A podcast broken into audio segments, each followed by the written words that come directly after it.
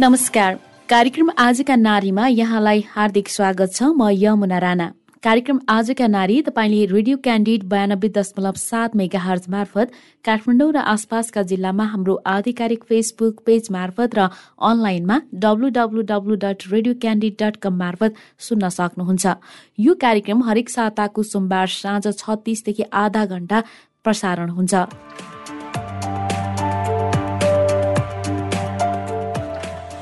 कार्यक्रम आजका नारीमा हामी महिलाहरूको हरेक पक्षका बारेमा समेट्ने प्रयास गर्छौं। महिलाहरूको आजको अवस्था उनीहरूको समस्या सङ्घर्ष चुनौती उनीहरूको सफलताको कथा महिलासँग सम्बन्धित विभिन्न घटना र समस्या समाधानको उपायका बारेमा पनि कुराकानी र सामग्रीहरू राख्ने गर्छौं।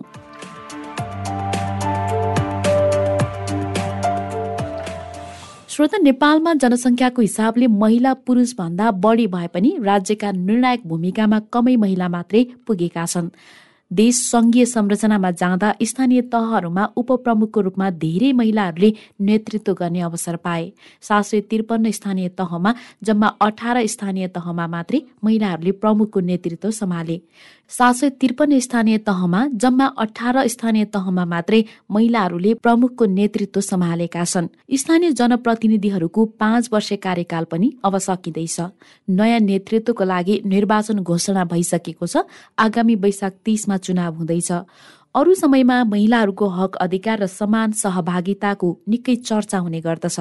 राजनैतिक दलहरूले पनि यसबारे कुरा उठाउँछन्। तर जब नेतृत्व दिने बेला आउँछ महिलालाई त्यति विश्वास गरिँदैन र पुरुषलाई नै नेतृत्व दिने गरिन्छ। यो कुरा यसअघिको सात सय त्रिपन्न स्थानीय तहमध्ये जम्मा अठार स्थानीय तहमा प्रमुखहरू चुनिनुले पनि पुष्टि गर्दछ। महिला अधिकार कर्मीहरू यसलाई पुरुषवादी सोचका कारण यस्तो हुने बताउँछन्। तर अब हुने चुनावका लागि यसअघिका उपप्रमुखहरू स्थानीय तहमा प्रमुखको जिम्मेवारी हाँक्ने सोचका साथ चुनावमा होमिँदैछन्। आज हामी यसै विषयमा कुराकानी गर्दैछौ। कुराकानीका लागि हामीसँग बाँकी जिल्लाको नेपालगञ्ज उपमहानगरपालिकाकी उपप्रमुख उमा थापा मगर हुनुहुन्छ। उहाँ विद्यार्थी राजनीति हुँदै पत्रकारिता र राजनीतिमा प्रवेश गर्नुभएको थियो। देशकै प्रमुख सहरहरू मध्येको नेपालगञ्ज उपमहानगरपालिकाको उपप्रमुख भएर काम गरिरहनु भएको छ। अब उहाँको यो कार्यकाल सकिँदैछ। आज हामी उहाँसँग उहाँको कार्यकालको अनुभव र आगामी योजनाका बारेमा कुराकानी गर्नेछौँ। सबैभन्दा पहिले उहाँलाई हामी कार्यक्रममा स्वागत गरौँ। स्वागत छ यहाँलाई कार्यक्रममा। धन्यवाद। यहाँहरू निर्वाचित भएर यहाँको कार्यकाल पनि सकिँदैछ। यसो फर्केर हेर्दाखेरि चाहिँ यहाँको कार्यकाल चाहिँ कस्तो रह्यो? हाम्रो कार्यकाल चाहिँ एकदमै चुनौतीपूर्ण रह्यो। चुनौतीको बिचमा पनि धेरै अवसरहरू चाहिँ हामीले प्राप्त गरेका छौँ भन्ने चाहिँ मलाई लाग्छ होइन? किन भन्दा यो संहिताको यो तिन तहको यो संहिताले प्रदान गरेको तिन तहको जुन संरचना थियो नयाँ अभ्यास यो नयाँ अभ्यासको जग बसाल्ने काम हामीले गरेका छौँ हामी जनप्रतिनिधिहरूले। र यो नयाँ अभ्यासमा काम गर्दै गर्दाखेरि चाहिँ सुरुवातमा बिना कानुन होइन? अब कर्मचारी समायोजन त्यसपछि शाखाहरू विभिन्न विषयगत शाखाहरू चाहिँ समायोजन होइन? लगायतको चाहिँ कारणहरूले गर्दाखेरि चाहिँ काम गर्न अत्यन्तै गाह्रो चाहिँ भएकै हो। तर चाहिँ त्यो बिचमा पनि अब हामीले चाहिँ अवसरहरू चाहिँ धेरै प्राप्त गऱ्यौँ जस्तै उदाहरणको लागि नेपालगञ्ज उपमहानगरपालिकालाई कस्तो उपमहानगरपालिका बनाउने त भन्ने विषयमा चाहिँ हामी आफैले छलफल गरेर त्यसपछि कानुनहरू आफै बनाएर त्यसलाई कार्यान्वयन सँगसँगै कार्यान्वयन पनि आफैले गर्ने र त्यो काम भएन भने त्यसलाई चाहिँ नियमन गर्ने निकाय पनि हामी आफै। हजुर। यो हाम्रो चाहिँ नेपालको संविधानले स्थानीय सरकार सञ्चालन ऐनले दिएको अधिकारहरूलाई प्रयोग गर्दै गर्दाखेरि चाहिँ त्यो अधिकारहरूलाई तत्कालै हामीले कार्यान्वयन गर्न पायौँ। जसले गर्दाखेरि चाहिँ जनतामुखी कार्यक्रमहरूलाई चाहिँ हामीले तत्काल लागू गर्न पनि सक्यो कार्यान्वयन गर्न पनि सक्यौँ। त्यो चाहिँ हाम्रो लागि अवसर भयो। तर त्यो अवसरको बिच त्यो कामहरू गर्नको लागि आवश्यक पर्ने स्रोत साधन के अरे कर्मचारीदेखि लिएर होइन भौतिक के अरे अफिसरको कुराहरू यो सबै कारणहरूले गर्दाखेरि चाहिँ सुरुवातको दिनमा चुनौती रह्यो। यो संहितामा स्थानीय सरकारले कसरी काम गर्ने त भन्ने खालको अन्यलताको बिचमा हामीले यो जिम्मेवारी सम्हालेका थियौँ। यस कारणले गर्दा सुरुवातमा जति चुनौतीहरूको सामना गर्ने गरे पनि त्यो चुनौतीको बिचमा पनि हामीले अवसरहरू चाहिँ प्राप्त गरेका छौँ। र यहाँले यहाँहरू एक त नयाँ प्रतिनिधि हुनुहुन्थ्यो होइन? जनप्रतिनिधि हुनुहुन्थ्यो। त्यो माथि पनि यहाँले जुन पालिकाको नेतृत्व गर्नुभएको छ त्यो चाहिँ देशकै एउटा ठुलो सहर पनि हो नेपालगञ्ज उपमहानगरपालिका। अन्य तह र नेपालगञ्ज उपमहानगरपालिकाको नेतृत्व गर्दाखेरि चाहिँ केही सहज अथवा चुनौती के रह्यो? मेन त चुनौती मैले अगाडि पनि भनिसकेँ हामीसँग कानुनै थिएन। हामीसँग जग नै थिएन। हामीसँग घरै थिएन होइन? जुन घरमा हामी बस्ने परिकल्पना गरिरहेका थियौँ र त्यो घर सञ्चालन गर्नको लागि चाहिँ घरको सदस्यहरू नियम कानुनहरूको जुन आवश्यकता हुन्थ्यो त्यो हामीसँग केही पनि थिएन। सबैभन्दा ठुलो चुनौती त हामीलाई त्यही नै रह्यो। बिना जगको चाहिँ हामीले जिम्मेवारी लियौँ। र त्यो जिम्मेवारी लिँदै गर्दाखेरि त्यो जग बचाल्नु नै हाम्रो लागि सबैभन्दा ठुलो चुनौती रह्यो। यो स्थानीय सरकारले गर्ने कामहरू यस्ता अधिकार क्षेत्रहरूमा यति अन्यलता थियो कि हामी निर्वाचित भएर आउँदै गर्दाखेरि र हामीले चाहिँ त्यो अधिकारहरूलाई कार्यान्वयनतर्फ लाँदै गर्दाखेरि कहिले कर्मचारीले नबुझिने कहिले जनप्रतिनिधिले नबुझिने कहिले नागरिकले नबुझिने होइन एकले अर्काको अधिकार चाहिँ माथि हा के अरे यो के अरे चाहिँ अलिकति चाहिँ हमला गरेको हो कि जस्तो पनि देखिने। अन्यलता कि? स्पष्ट चाहिँ सुरुवातमा चाहिँ हामीसँग नीति निर्देशिका कानुनको अभावको कारणले गर्दा त्यो चाहिँ एकदमै ठुलो चुनौती थियो। त्यो चुनौतीको सामना हामीले बिस्तारै गऱ्यौँ र त्यो चुनौतीको सामना गर्दै जाँदाखेरि नगरपालिकालाई चाहिँ राम्रो उपमहानगरपालिका बनाउने क्रममा चाहिँ कर्मचारीहरूको समायोजनको कुरादेखि लिएर अन्य धेरै कुराहरूको पनि हामीले सामना गर्नु पर्यो असीमित जनताका अपेक्षाहरूलाई हाम्रो सीमित स्रोत साधन होइन सीमित चाहिँ आर्थिक जुन हामीसँग चाहिँ यो करहरू थियो त्यसबाट परिपूर्ति गर्नु पनि हाम्रो लागि ठुलो चुनौती थियो। हजुर। यहाँले कुरा उठाउनु भएको थियो जस्तो अधिकारहरू मिचेको हो कि जस्तो जनप्रतिनिधिहरू बिचमै पनि धेरै पालिकाहरूमा त्यो समस्या रह्यो। प्रमुख र उपप्रमुखहरू बिच चाहिँ फरक राजनैतिक पृष्ठभूमिबाट भएको हुँदाखेरि चाहिँ एकअर्कालाई सहयोग नगर्ने र एकअर्काको अधिकार मिचेको जस्तो कुराहरूले गर्दा धेरै घटनाहरू त्यस्तो सुनिन आएको थियो। यहाँको चाहिँ कस्तो रह्यो? अब हाम्रो उपमहानगरपालिकामा चाहिँ नियतवश त्यसरी जनप्रतिनिधिहरूको बिचमा त्यस्तो अनुमेल जस्तो अनि नमिले जस्तो होइन असहयोग जस्तो चाहिँ रहेन। तर अब कस्तो हो नि अब यो नयाँ के अरे संरचनाको नयाँ अभ्यास संहिताको नयाँ अभ्यास यसमा काम गर्दै गर्दाखेरि चाहिँ यो अन्यताले चाहिँ हामी बिचमा अलिकति द्वन्द चाहिँ सिर्जना गरेकै हो। होइन? अलिकति द्वन्द चाहिँ सिर्जना गर्यो। तर त्यो द्वन्द्वलाई पनि हामीले बसेर छलफल गऱ्यौँ त्यसपछि के हो त? होइन एकले अर्कालाई बुझाउने प्रयास गर्यो एकले अर्कालाई आरोप लगाएर होइन कि एकले अर्कालाई बुझाएर सम्झाएर होइन जहाँनिर समस्या छ त्यसलाई चाहिँ टेबल टक गरेर त्यसलाई समाधान गर्ने प्रयासहरू चाहिँ हामीले अधिकतम गरेका छौँ। त्यस कारणले गर्दा एकदमै ठुलो चाहिँ यो जनप्रतिनिधिहरूको बिचमा चाहिँ जुन यो द्वन्द्वको कुराहरू व्यापक रूपमा बाहिर आयो प्रमुख उपप्रमुखकै कुरा भयो होइन? त्यो चाहिँ हाम्रोमा देखिएन दुईटा कारणले देखिएन एक त मैले पनि आफ्नो भूमिका आफ्नो जिम्मेवारी के हो स्पष्ट रूपमा थाहा पाएपछि मात्रै आफ्नो अधिकारको लागि चाहिँ वकालत गरेँ होइन? मैले आफ्नो अधिकार आफ्नो जिम्मेवारी आफ्नो दायित्व थाहा नपाएर नै वकालत गर्दाखेरि त्यहाँ चाहिँ द्वन्द्व सिर्जना हुन्थ्यो। अनि कहाँ कहाँनिर चाहिँ उपमेयरलाई के के अधिकार छ त भनेर चाहिँ तपाईँको चाहिँ कानुनमा जे व्यवस्था छ त्यो टक्क लगाएर चाहिँ हाम्रो प्रमुखलाई देखाइदिएपछि प्रमुखज्यूले पनि अब कानुनले दिएको अधिकारमा त अब उहाँले चाहिँ म चाहिँ यो अधिकार प्रयोग गर्न दिँदैन भन्ने ठाउँ पनि रहेन। अनि त्यसपछि चाहिँ अलिकति उहाँ पनि स्पष्ट हुँदै जानुभयो।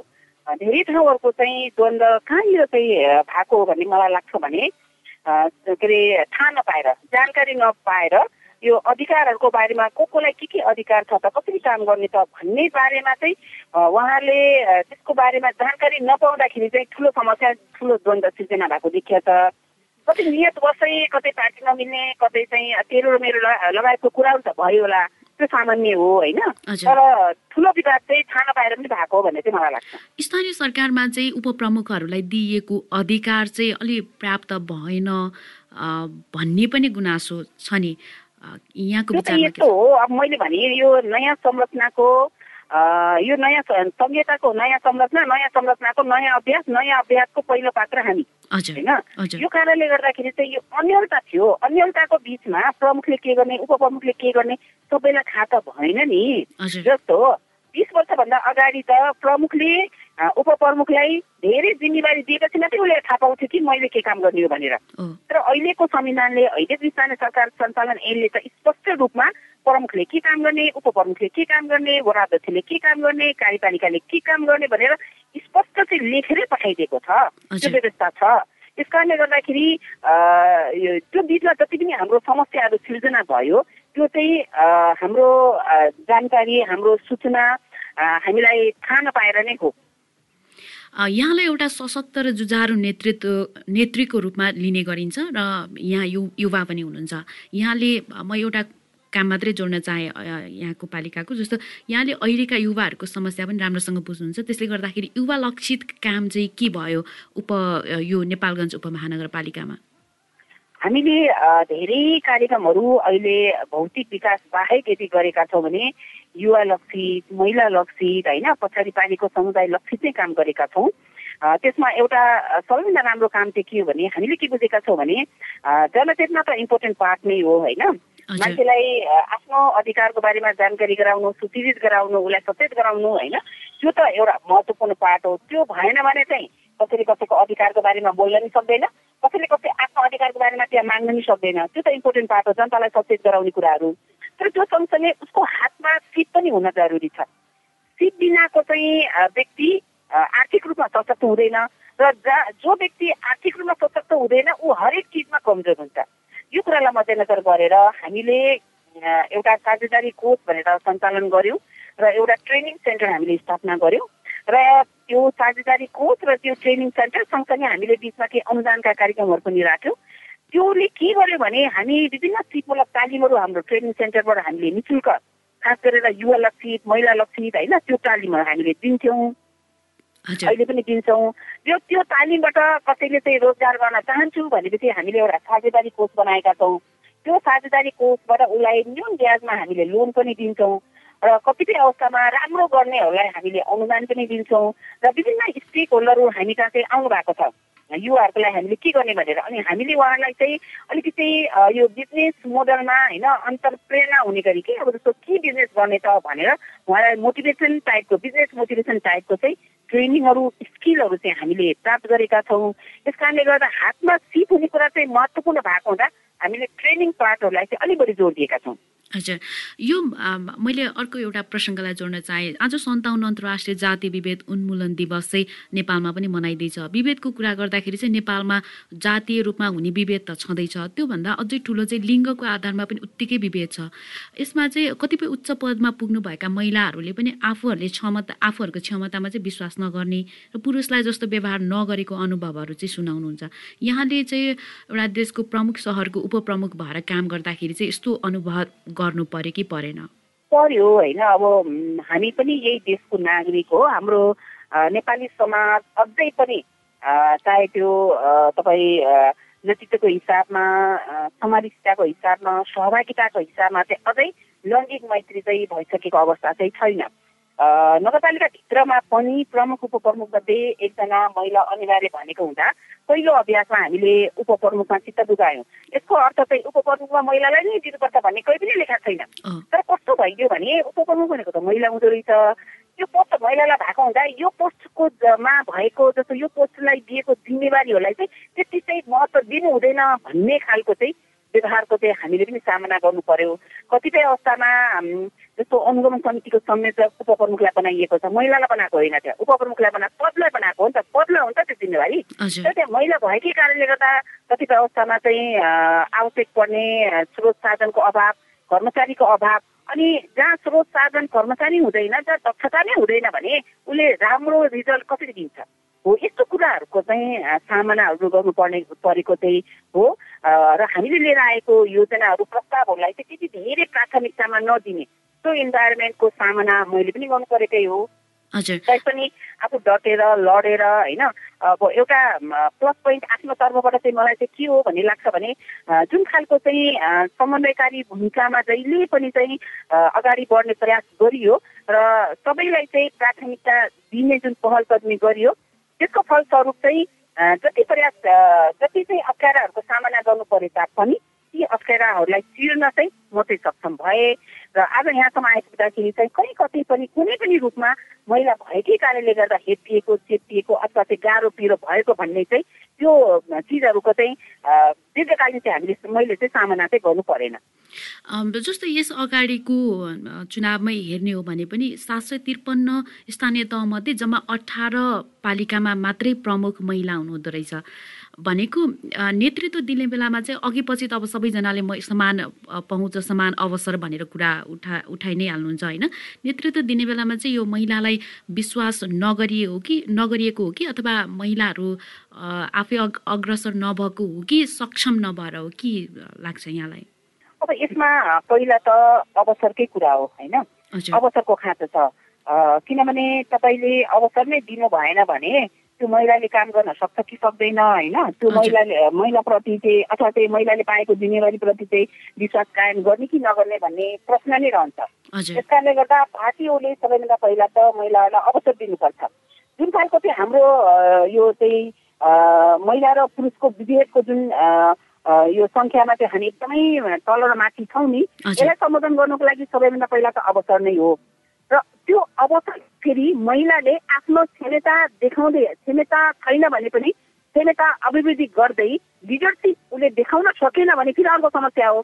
त्यस कारणले गर्दाखेरि पहिलो कुरा अवसर हो र त्यो अवसरलाई सही रूपमा चाहिँ कार्यान्वयन गर्नको लागि चाहिँ महिलाको अग्रसरता महिलाको स्वयं इच्छा चाहना र उसले आफ्नो क्षमता देखाउने गरी चाहिँ जुन खालको आत्मविश्वासमा आँट चाहिन्छ अर्को पक्ष भनेको त्यो हो। त्यस कारणले गर्दा यो कतिपय अवस्थामा यो कुराहरू जुन तपाईँले उठाउनु भएको करिब चौरानब्बे प्रतिशतलाई चाहिँ उपप्रमुख दियो तर प्रमुखमा जम्मा छ प्रतिशत दियो भन्ने खालको जुन कुरा छ त्यो चाहिँ यो संहिताको नयाँ मोडेलको पहिलो अभ्यास हो। यस कारणले गर्दाखेरि पनि पहिला टिकट दिँदा दिँदा नै एक खालको अन्यलता थियो।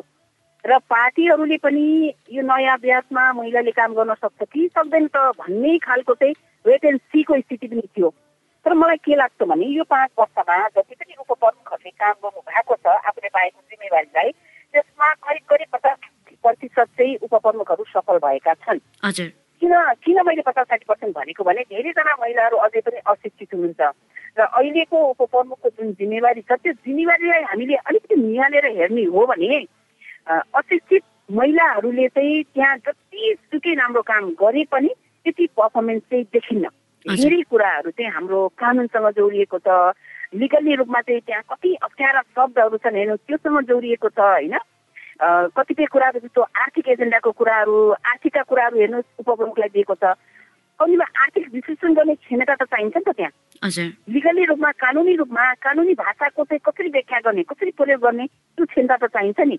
यस कारणले गर्दा पढे लेखेका महिलाहरूको अभावको कारणले गर्दाखेरि पनि धेरै उपप्रमुखहरूबाट चाहिँ जुन अपेक्षा हामीले सोचिरहेका हुन्छौँ अथवा सोचेका थियौँ त्यो चाहिँ कुरा नभएको हो। तर जति नै गर्नु भएको छ त्यो भनेको चाहिँ फेरि अहिलेको अवस्थामा चाहिँ एकदमै सफल हो।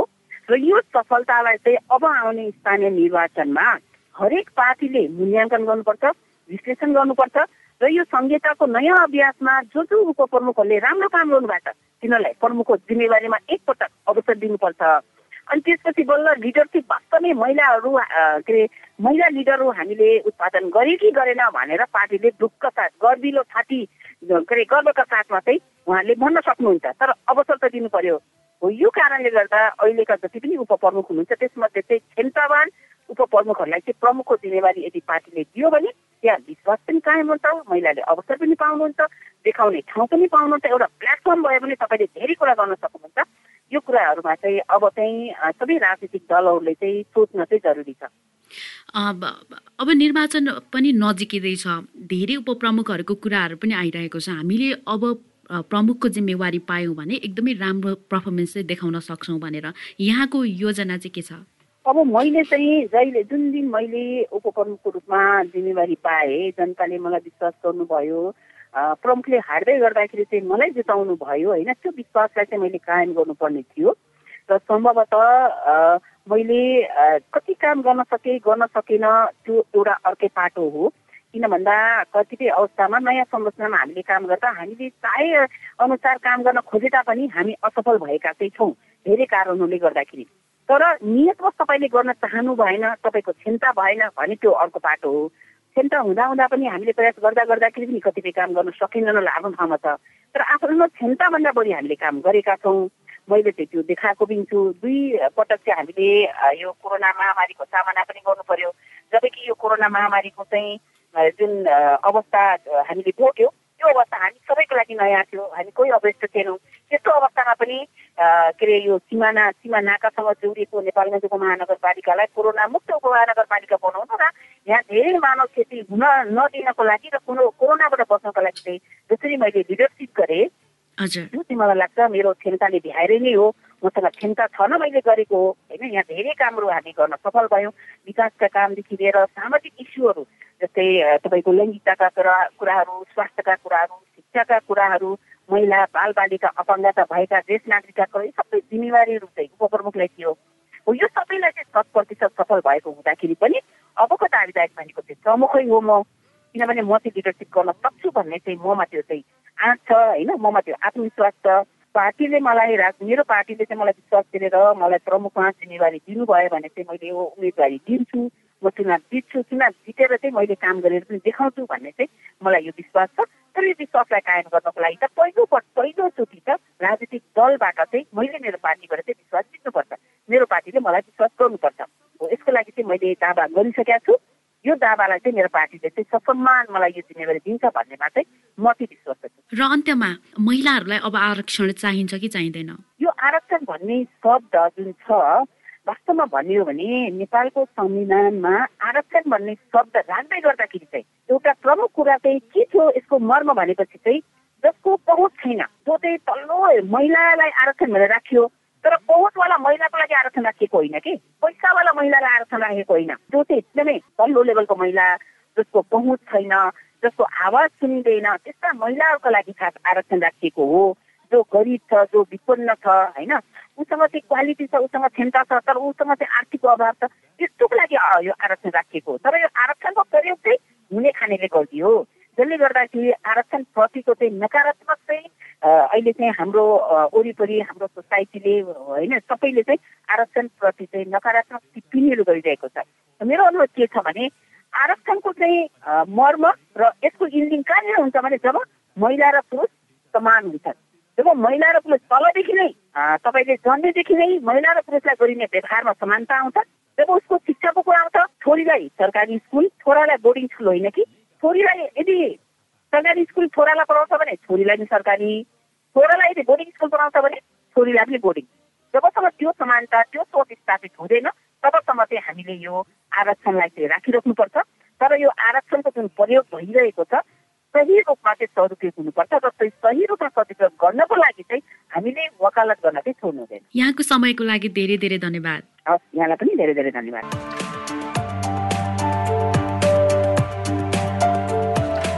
उहाँ हुनुहुन्थ्यो नेपालगञ्ज उपमहानगरपालिकाकी उपप्रमुख उमा थापा मगर। उहाँसँगको कुराकानीसँगै कार्यक्रम आजका नारीको समय सकिएको छ।